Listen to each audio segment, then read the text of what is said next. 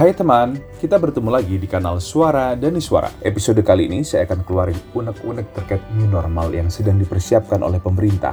Apakah kita siap menghadapi fase baru ini setelah pandemi? Teman, pandemi corona telah menjadi wabah global yang hingga kini belum ditemukan antivirus dan vaksin pencegahannya. Lebih dari tiga bulan virus SARS-CoV-2 telah berada di sekitar kita. Tidak hanya di Indonesia, namun seluruh warga dunia. Menurut data John Hopkins University, lebih dari 376 ribu masyarakat telah meninggal dari total 6 jutaan yang terkonfirmasi positif. Sementara tingkat kesembuhan mencapai 2 juta 700 ribuan jiwa di seluruh dunia. Di Indonesia mengutip data yang disajikan oleh pemerintah melalui laman resmi covid.go.id, per 30 Mei 2020, 25.773 kasus terkonfirmasi dengan 1.573 angka kematian sementara 7.015 pasien dinyatakan sembuh. Grafis ini belum stabil, terlebih jika disebut mengalami kurva penurunan yang signifikan. Dalam sepekan terakhir, bahkan jumlah kasus bisa mencapai angka 900 lebih. Ini terjadi pada tanggal 21 Mei dengan 973 kasus. Sementara satu hari setelahnya, 23 Mei, mencapai 949 kasus positif. Rata-rata Indonesia mencatatkan kasus dalam sepekan terakhir dengan 600-an kasus positif per hari. Ini tentu bukan angka yang baik untuk disebut sebagai penurunan. Bahkan untuk mencapai eksponensial kasus, kita belum bisa memprediksi kapan lonjakan kasus akan mengalami peningkatan sebelum akhirnya menukik ke bawah. Sejumlah peneliti justru menyebut angka yang dirilis oleh pemerintah belum mencapai nilai pasti di lapangan karena asumsi matematika yang mengukur bahwa kasus yang terjadi di Indonesia seharusnya lebih dari data yang dirilis. Saya tidak akan masuk pada perdebatan apakah pemerintah menyembunyikan data asli. Namun, uji lab menggunakan metode swab PCR yang sedang dilakukan secara masif ketimbang di awal-awal COVID-19 masuk ke Indonesia memang memungkinkan kenaikan angka terus terjadi. Maka secara kualitatif meningkatnya angka temuan ini merupakan konsekuensi logis dari pemeriksaan yang sudah seharusnya dilakukan kepada masyarakat. Ini membuktikan virus yang merupakan pandemi global nyata ada dan menjadi ancaman di sekitar kita. Dari total 34 provinsi yang telah terinfeksi, Jakarta merupakan daerah tingkat konfirmasi positif tertinggi 7.229 kasus atau 28% dari total angka nasional merupakan data terakhir ibu kota. Sementara Jawa Timur mencatatkan 4.613 kasus positif dengan 2.300-an lebih merupakan konfirmasi positif dari kota Surabaya yang merupakan ibu kota provinsi. Dengan data di atas, apakah kita sudah pantas untuk menjalankan skema yang disebut kenormalan baru atau the new normal. Sebenarnya apa sih yang dimaksud dengan new normal? Badan Kesehatan Dunia WHO memang memberi sinyal kepada negara-negara untuk menjalani kehidupan yang diistilahkan new normal ini. Tentu dengan berbagai syarat yang membuat masyarakat harus beradaptasi pada regulasi baru dalam kehidupan keseharian. Satu, bukti yang menunjukkan bahwa transmisi COVID-19 dapat dikendalikan. Dua, kapasitas sistem kesehatan dan kesehatan masyarakat termasuk rumah sakit tersedia untuk mengidentifikasi, mengisolasi, menguji, melacak kontak, dan mengkarantina. 3. Risiko virus corona diminimalkan dalam pengaturan kerentanan yang tinggi, terutama di panti jompo, fasilitas kesehatan mental, dan orang-orang yang tinggal di tempat-tempat ramai. 4. Langkah-langkah pencegahan di tempat kerja ditetapkan dengan jarak fisik, fasilitas mencuci tangan, dan kebersihan pernapasan. 5. Risiko kasus impor dapat dikelola. Lalu yang keenam, masyarakat memiliki suara dan dilibatkan dalam kehidupan new normal. WHO Regional Director for Europe, Dr. Hans Henry P. Kluch, menyatakan jika keenam hal ini tidak mampu dipenuhi sebelum melakukan pelonggaran, maka negara harus memikirkan kembali skenario new normal Menurutnya, COVID-19 tidak kenal ampun dan dapat membanjiri sistem kesehatan terkuat di Eropa dengan cepat. Hmm, membanjiri sistem kesehatan terkuat.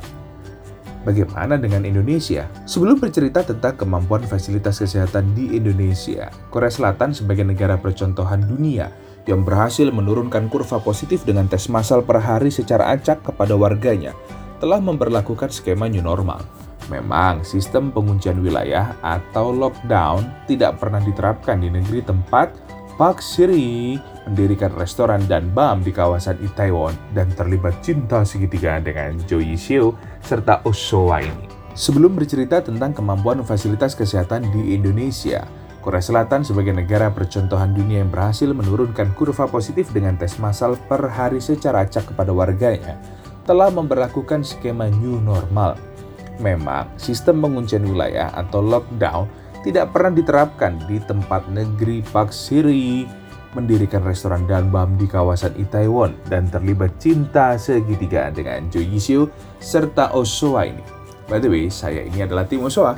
Jadi, dua episode terakhir Itaewon Class adalah episode paling menyedihkan dalam perjalanan mata saya menyaksikan kandasnya cinta Osoa. Ngomong-ngomong soal Itaewon, dikutip dari laman bbc.com, lebih dari 142 temuan kasus baru di daerah ini setelah diberlakukannya pelonggaran aktivitas. Rata-rata kasus berasal dari klub malam dan bar yang telah buka atau beroperasi. Lonjakan ini merupakan angka tertinggi setelah pemerintah Korea Selatan memastikan tidak ada temuan kasus dalam dua pekan terakhir yang disebabkan oleh penularan domestik. Sementara 79 kasus baru ditemukan sehari setelah pelonggaran di Korea Selatan. 251 sekolah terpaksa ditutup kembali hanya berselang sehari sejak dibukanya fasilitas pendidikan. Laporan Korean Times menyebut Kementerian Pendidikan mengakui ada 117 sekolah di ibu kota Seoul yang terpaksa menunda pengoperasian kembali setelah temuan kasus baru ini. Kita tahu bahwa rakyat Korea Selatan termasuk yang paling disiplin dalam penerapan jaga jarak atau social distancing selama wabah ini masuk dan sempat membawa mereka menjadi negara tertinggi setelah Tiongkok dalam catatan angka positif corona. Nyatanya pasca pelonggaran, ada dugaan sebaran kasus baru terjadi berkaitan dengan gudang dari pusat distribusi e-commerce di kota Bucheon yang tidak menerapkan protokol kesehatan ketat. Bahkan ditemukan jejak COVID-19 pada sepatu dan pakaian pekerja. Bagaimana dengan Indonesia? Melihat keenam syarat yang ditetapkan oleh WHO, adakah satu setidaknya dari enam kriteria yang terlihat oleh kita bisa dilakukan oleh pemerintah ataupun warganya secara swadaya sehingga kita bisa masuk pada fase new normal. Berbagai pemberitaan media di Jawa Timur menyebutkan, Rumah Sakit Erlangga Surabaya yang merupakan rujukan COVID-19 dinyatakan tumbang. Rumah sakit ini secara resmi tidak lagi menerima pasien karena tenaga medis yang kewalahan. Tidak hanya rumah sakit, Laboratorium Institute of Tropical Disease atau ITD UNER yang menjadi laboratorium COVID-19 juga melakukan hal yang sama. Kekhawatiran akan terjadi hal serupa pada Rumah Sakit Umum Daerah Dr. Sutomo Surabaya turut disampaikan oleh Direktur Utamanya Dr. Joni Wahyu Hadi. Menurutnya keadaan dua rumah sakit ini di Surabaya seperti dua sisi mata uang. Dari total kapasitas 153 pasien, kini RSUD Dr. Sutomo sedang menangani 130 pasien COVID-19. Surabaya sebagai kota kedua terbesar angka penyebaran virus setelah Jakarta adalah fakta ironi yang seharusnya membuat kita berpikir ulang. Apakah kita siap untuk menjalani fase new normal? Pelibatan aparat keamanan dalam skenario new normal yang sering kali penerapannya justru melanggar protokol kesehatan, seperti berboncengan, mengingatkan warga dengan bersentuhan fisik, hingga pelibatan personil dalam jumlah tertentu yang justru mengakibatkan terjadinya kerumunan karena terjadi perkumpulan warga dengan aparat di satu titik adalah hal-hal yang harusnya menjadi catatan bagi kita semua sebelum beranjak ke fase kehidupan yang baru. Enam kriteria yang ditetapkan WHO bagi negara-negara terutama yang berada di Eropa juga didasari karena skema protokol kesehatan serta fasilitas infrastruktur di sana menunjang untuk melakukan pelonggaran. Itu pun tetap dengan catatan. Terlebih Dr. Hans Henry telah menegaskan COVID-19 dapat membanjiri alat kesehatan terkuat sekalipun. Monolog kali ini memang menggunakan perspektif kesehatan, tentu bagi pelaku ekonomi Hal ini akan menjadi perdebatan karena aktivitas yang lesu bahkan sangat lesu di masa pandemi mengancam kehidupan selanjutnya. Resesi ekonomi seperti momok yang menghantui di depan jika pemerintah tidak mengambil langkah strategis dalam menyelamatkan roda ekonomi nasional. Karena terdampak hari ini tidak hanya kelompok pengusaha atas, namun pelaku ekonomi menengah ke bawah turut merasakan efek kapital dari wabah ini. Mungkin kita bahas ya di episode selanjutnya. Menjalani keadaan normal baru sebelum kita menormal barukan diri kita adalah pekerjaan yang tidak mudah.